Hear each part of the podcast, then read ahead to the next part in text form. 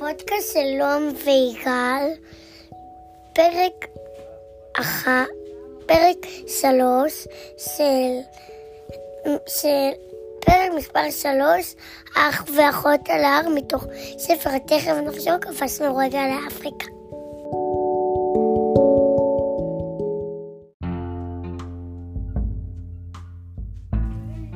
כשהם שבים ומתעוררים, אבו כבר פוסע בכבדות בשלג העמוק. מפלס את דרכו בתוך ענן. הוא כיסה את יושע ואת מרי בקש מהשדה האחרון שעברו בו, וראשיהם מוגנים כעת מתחת לחדק החמים שלו. איפה אנחנו? שואלת מרי בקול מנומנם, ואוחזת ביושע חזק. בתוך ענן, אומר יושע. מרי עוד לא הייתה מעולם בתוך ענן גבוה כל כך. הענן הזה סמיך מאוד, ככה היא חושבת, והוא קר כמו שלג. אבו, אתה לא קופא מקור? היא שואלת. אני חושב לעצמי מחשבות חמות זה מספיק לי, מצהיר אבו, שחושב על הרוח בערבה, והוא חושב גם על החום הלוהט בה. ועל עצי הצאלון ופריחתם האדומה הזוהרת, שבגללה קוראים להם לפעמים עצי שלהבת, הצומחים בערבות אפריקה. אתה מצליח לראות את הדרך? שואל יושע. פיל אמיתי מוצא את דרכו גם בעיניים עצומות, וגם אם הוא עיוור, אומר הבואו. אבל מיד אחרי שהוא אומר את המילים האלה, בתוך ערפל הענן הסמיך, הוא נתקל בדוב. לדוב יש צלקת על האף. הפרווה שלו מדובללת.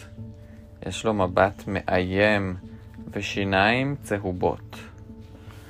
יושע אוחז בידה של מארי. אל תדאגו, אני מכיר דובים, אומר הבור, כי הוא מכיר את ברנהרד. ברנהרד גר בבית הדובים שבגן החיות, ליד מכלאת הפילים.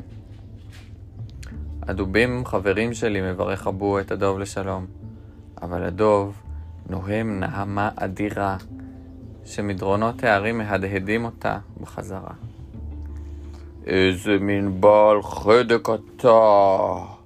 נוהם הדוב, ונעמד על רגליו האחוריות. עכשיו הוא גדול כמו הבואו. אני בודו, אבל השם האמיתי שלי זה הבואו, אומר הבואו. לא שמעתי עליך אף פעם, נוהם הדוב. אני חבר של ברנהרד הדוב, קורא הבואו. כולם אוהבים אותו בכל מקום. אני לא מכיר שום ברנהרד, נואם הדוב, ופוער את הלוע שלו. הדוב הזה בכלל לא עושה הוויות מצחיקות כמו ברנהרד בגן החיות. הוא מצביע בציפורן הארוכה שלו על יושע ועל מרי, מה אתה לוקח איתך שם על הגב? אני יושע, אומר יושע בקול רועד, ומאחוריי יושבת מרי. יושע מזדקף במקומו.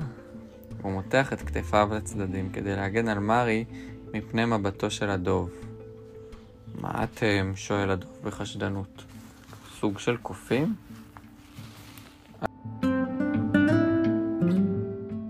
אנחנו אח ואחות, מגמגמת מארי מאחורי הגב של יושע.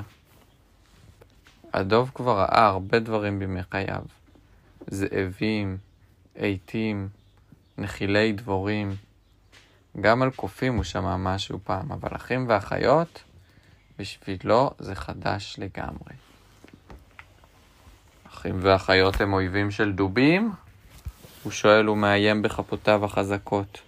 לא, קוראת מארי, יש לי אפילו שני דובים במיטה, לפעמים אני בונה להם מאורה. היא חושבת על מאורת השמיכה שלה, שעליה מלבלבים פרחים בשלל צבעים.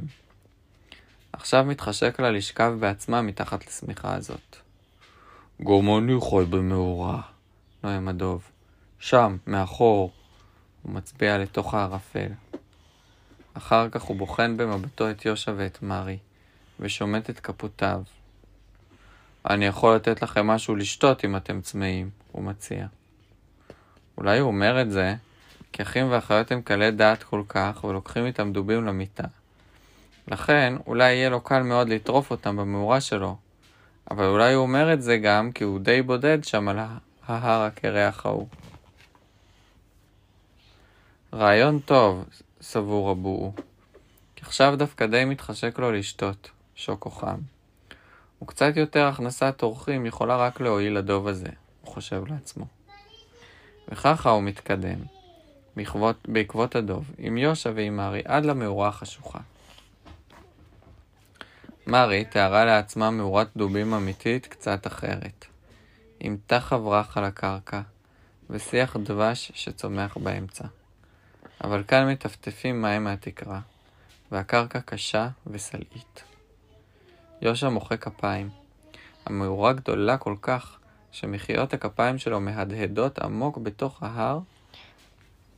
על הקירות רואים ציורים של ממוטות נלחמות ושל טיגריסים עם שיני חרב ולואות ענקיים, ועל הקרקע פזורות המון עצמות. אני אשתה שוקו חם, אומר הבור. יש לי רק שלג מופשר נואם הדוב, ומלקק טיפות מים מאבן שתלויה מהתקרה, ולה קצה חד כשל פגיון. אולי אפשר לקבל כאן לפחות נוריות, שנקראות לפעמים גם פרחי חמאה, או פירות כתוספת לשלג המופשר, מקווה הבואו.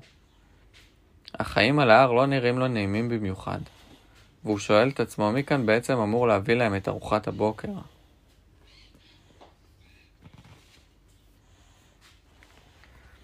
הדוב מתיישב לו באחת הפינות, ושורט את הצלע הקר בציפורניו.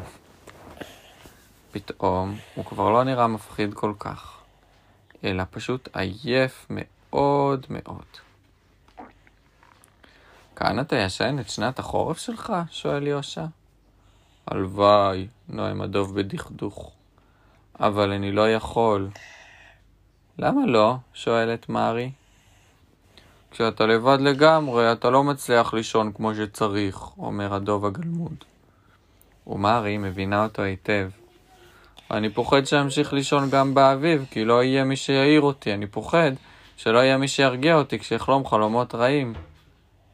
אחים ואחיות חיים תמיד יחד? כן, עונים יושע ומרי פה אחד. הם עושים כמעט הכל יחד. הם בכלל לא יכולים לתאר לעצמם את החיים שלהם לחוד, האחד בלי האחרת ולהפך.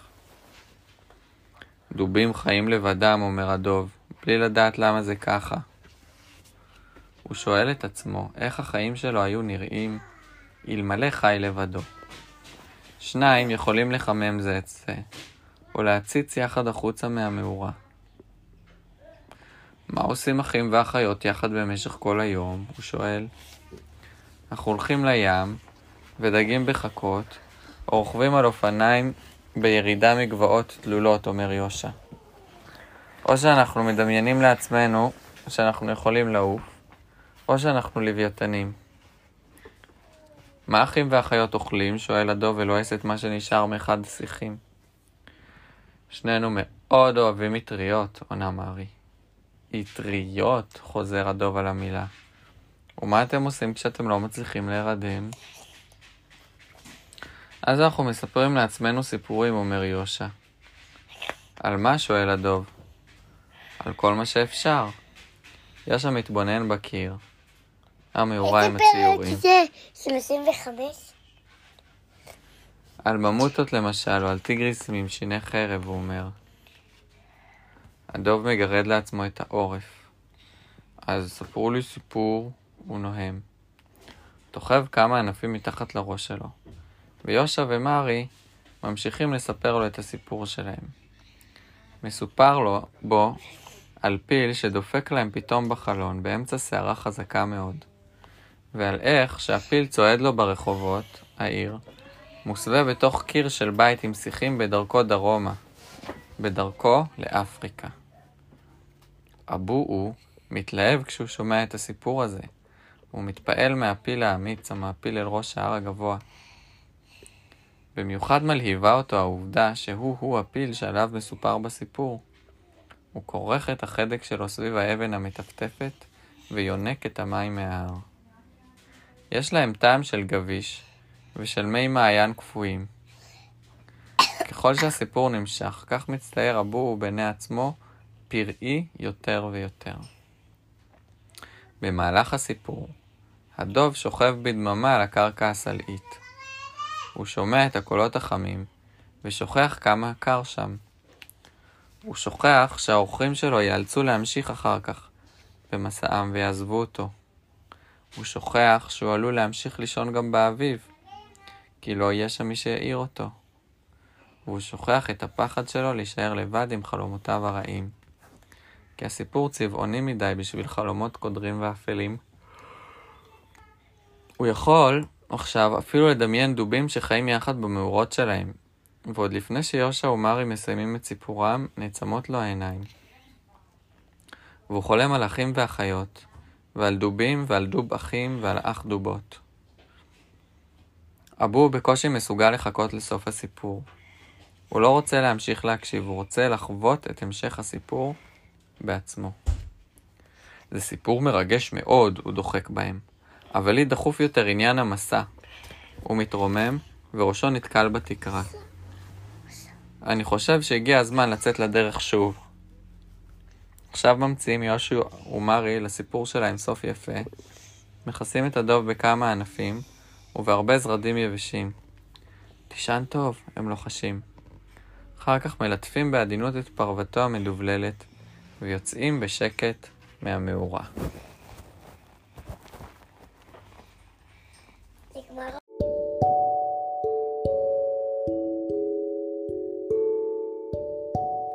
שמענו זה אתה, זה פרק מספר 3 מהפודקאסט נועם ויגאל ומספר תכף נחזור קפצנו רגע לאפריקה